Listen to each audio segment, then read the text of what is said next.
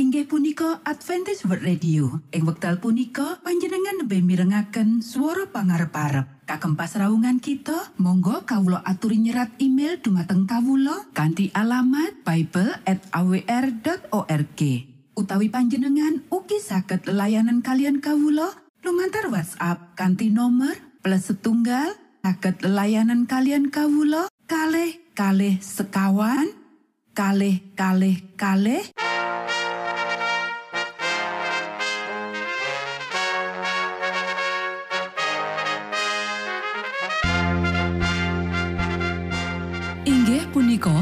Adventist World Radio ingkang giaran kanti basa Jawi. Tentrem Rahayu kula aturaken kagem para mitra kinasih ing pundi papan lan panggonan. Sugeng pepanggian malih kalian Adventist World Radio. Kanti bingahing manah Kulo badi sesarengan kalian poro mitra kinasi. Lumantar saperangan adicara ingkang sampun rinonci. Mligi kagem panjenengan sami. Mugi giaran punika saged migunani tuwin dados berkah kagem kita sedoyo. Sugeng midhangetaken Gusti amberkahi.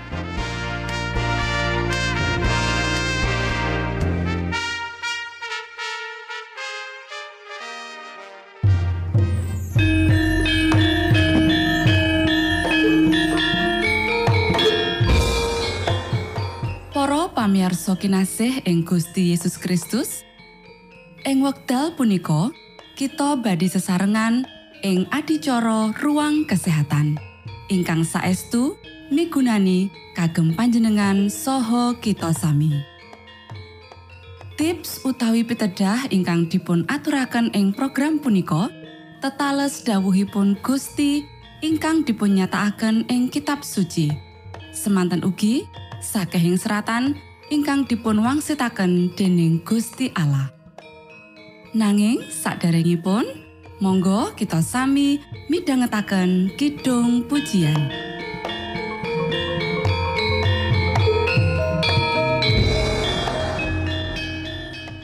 Monggo stiku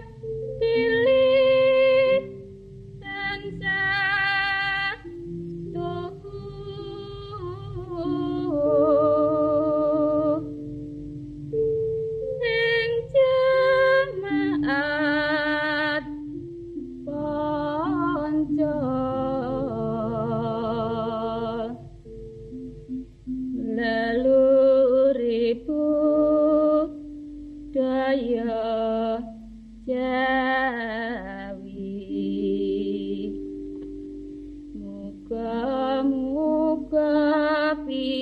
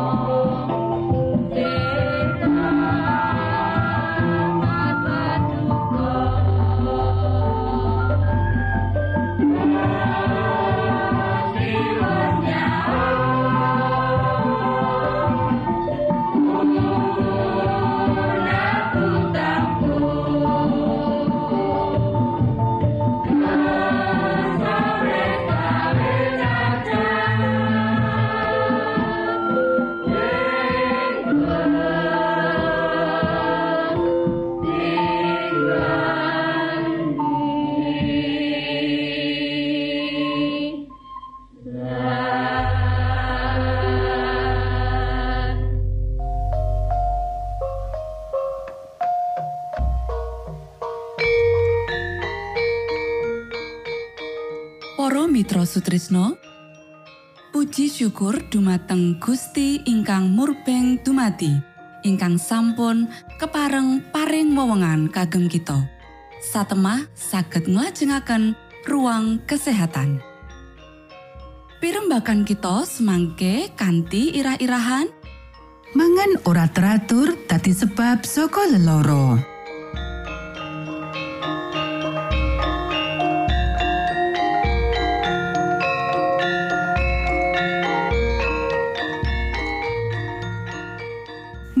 Dumateng para pamirsa ingkang dahat kinurmatan, sugeng pepanggihan malih kalian kula Isti Kurnaidi ing adicara Ruang Kesehatan. Ing dinten punika kanthi irah-irahan mangan ora teratur dadi sebab saka leloro. Para sedherek ingkang kinasih, manungsa dumati saka asta sang pangripta sakjroning kahanan badan sing sampurna lan bentuk sing endah. Wis 6000 taun manungsa nahan beban dosa sing sansaya tambah abot amarga leloro lan piolo. Iki sawijining bukti menawa manungsa nate nampa kuasa daya tahan badan sing kuat. Senadyan penduduk bumi sadurunge banjir bandang, umume masrahake diri marang dosa tanpa leren-lereno lan sawise luwih saka 2000 taun akibat panerake angger-angger alam iku bisa dirasakake. Sakirane Adam ora nduweni kuasa badan sing luwih gedhe dibanding karo manungsa saiki, mula manungsa wis suwe meh musna. Wiwit tumibane manungsa menyang sakjroning dosa, anak turune sing sak nduweni kecondongan sing terus-terusan merosot. Bibit leloro wis dipindahake saka wong tua marang anak-anak lan saka keturunan menyang turunan sing liya. Anak-anak bayi wae nandang sangsara amarga dosane wong tuane. Musa minangka panyerat sejarah sing sepisan menehi perincian sing meh mesti ngenani panguripan sosial lan pribadi ing wiwitane sejarah donya. Nanging kita ora nemoni catetan menawa sawijining bayi wis kalairake sakjroning kahanan wuta, budak, pincang utawa ringkes syaraf. Siji kedadian wae ora kecatet ngenani matine bayi, bocah utawa nom-noman kanthi cara wajar. Sakjroning buku perwaning dumati, riwayat uripe wong sing mati mung kecatet mangkene. Dadi gunggunge umure Adam sangang atus telung puluh tahun banjur ngajal. Dadi gunggunge Set sangang atus rolas tahun banjur ngajal. Ngenani sing liyane catetan unine mangkene. Dheweke mati ing wektu wis putih rambute, tuwa lan yuswa suntuk. Arang banget dumati sawijining bocah mati ndisiki bapake, nganti kedadian iku dianggep penting kanggo dicatet. Haran mati ndisiki bapake ya iku Terah. Para popo saka Adam nganti Nuh urip meh sewu taun kanthi sedidik pengecualian. Wiwit iku tawane umur rata-rata manungsa wis suda. Para sedherek ingkang kinasih, ing karawani Sang Kristus sing sepisan, umat manungsa ngalami merosote amarga dudu mung wong tua lan sing setengah umur nanging wong muda uga digawa saka saben kutha marang juru wilujeng kanggo diwarasake saka lelarane. Akeh sing nandang ing sangisore beban kemlaratan sing ora ginambarake. Paneraan nangger-angger fisik kanthi kabeh akibate kaya dene kasangsaran lan pepati dini wis suwe nyebar nganti akibat iki dianggep dadi nasibe umat manungsa. Gusti Allah ora nitahake umat manungsa sakjroning kahanan sing ringkih kaya iku. Kahanan iku dudu hasil pakaryaning Gusti Allah nanging akibat ulahe manungsa. Pakulinan-pakulinan sing salah wis dilakokake kanthi nerak angger-anggering Gusti sing kutune ngatur panguripane manungsa. Paneraan angger-angger alam kanthi cara terus-terusan yaiku paneraan angger-angger alam kanthi cara terus-terusan. Sekirane manungsa netepi 10 angger-angger kanthi nguripake prinsip angger-angger iku, ipat-ipat loro sing saiki banjiri donya kutune ora ana. Matur nuwun, Gusti amberkahi.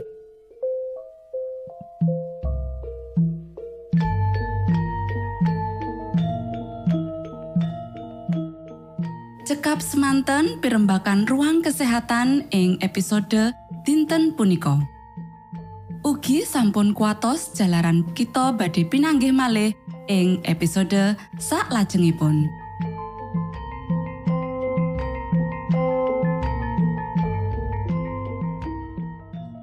Inggih punika adicara ruang kesehatan.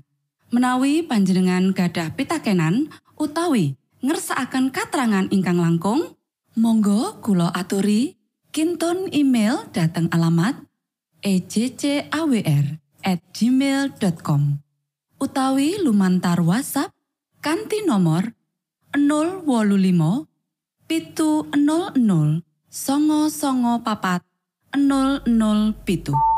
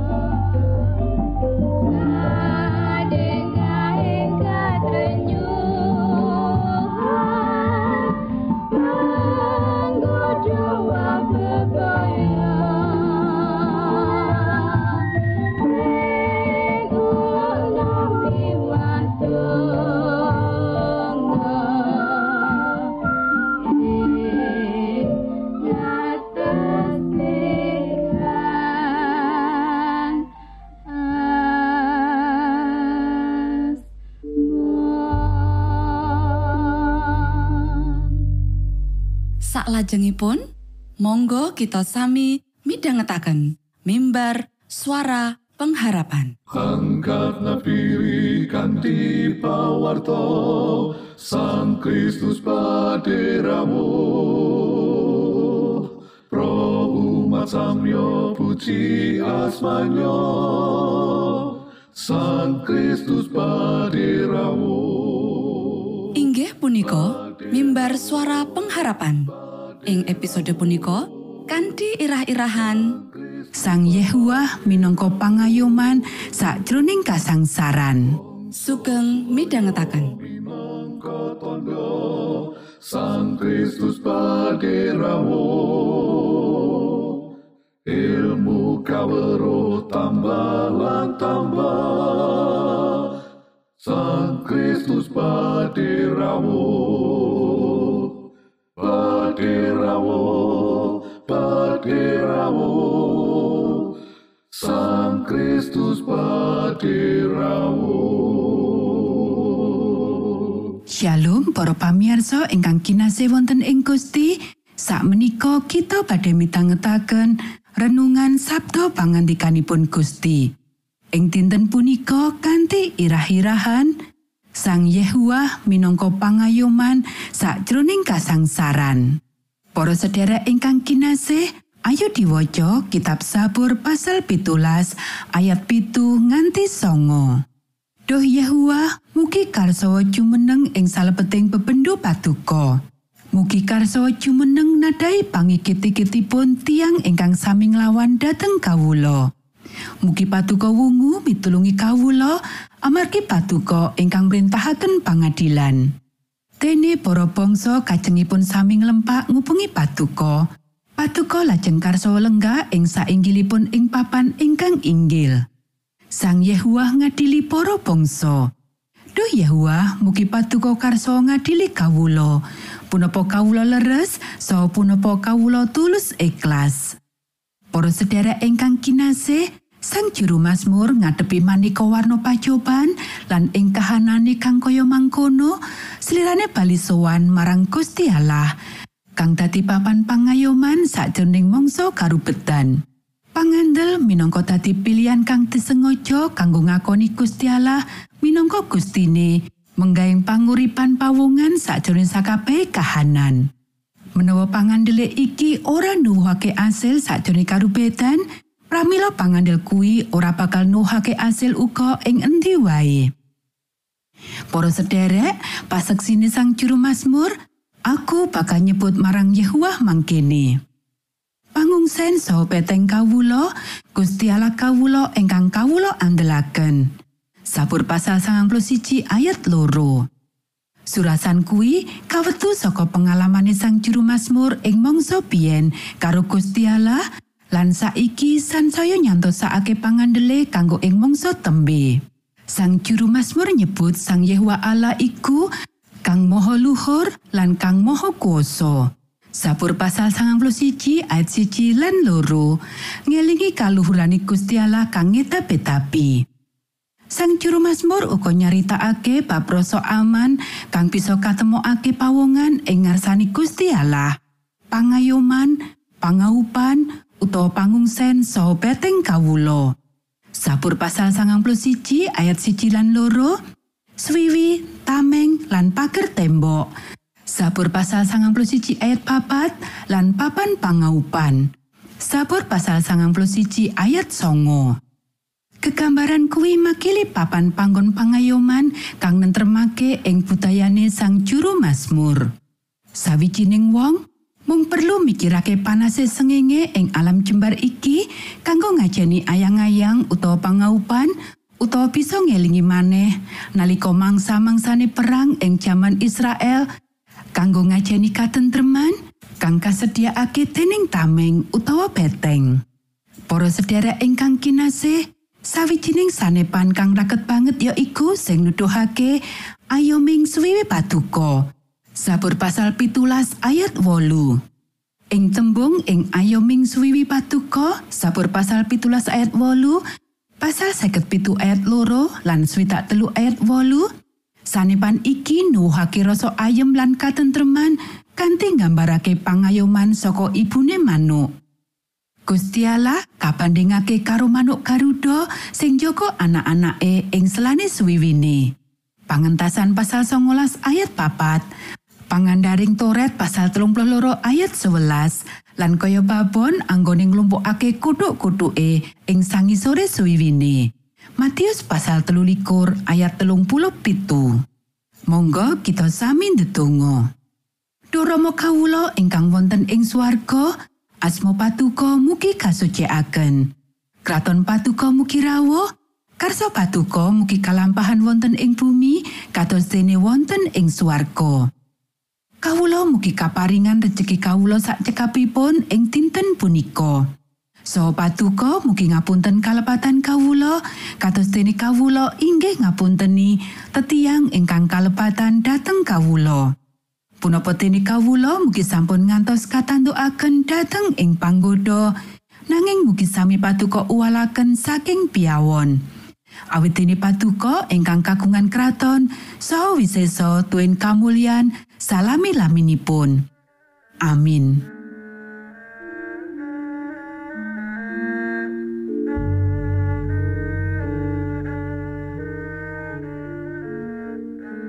Para Mitra Sutrisno pamiarsa kinasih ing Gusti Yesus Kristus sampun paripurno pasamuan kita ing dinten punika menawi panjenengan gadah pitakenan utawi ngersakaken seri pelajaran Alkitab suara nubuatan Monggo Kulo aturi kintun email dateng alamat ejcawr gmail.com utawi lumantar WhatsApp kanti nomor 025 pitu 00 songo songo papat 00 pitu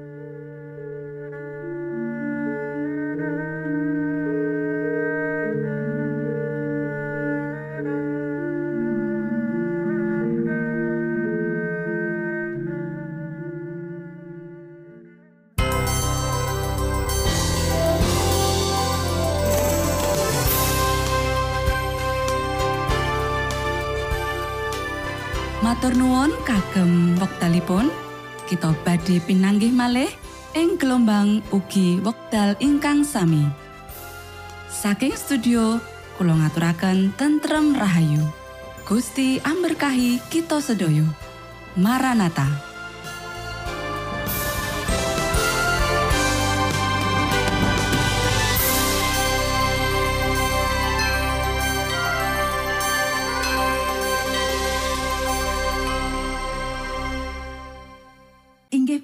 Adventist World Radio. Ing wekdal punika panjenengan lebih mirengaken swara pangarep-arep. Kagem pasraungan kita, monggo kawula aturi nyerat email dumateng kawula kanthi alamat bible@awr.org.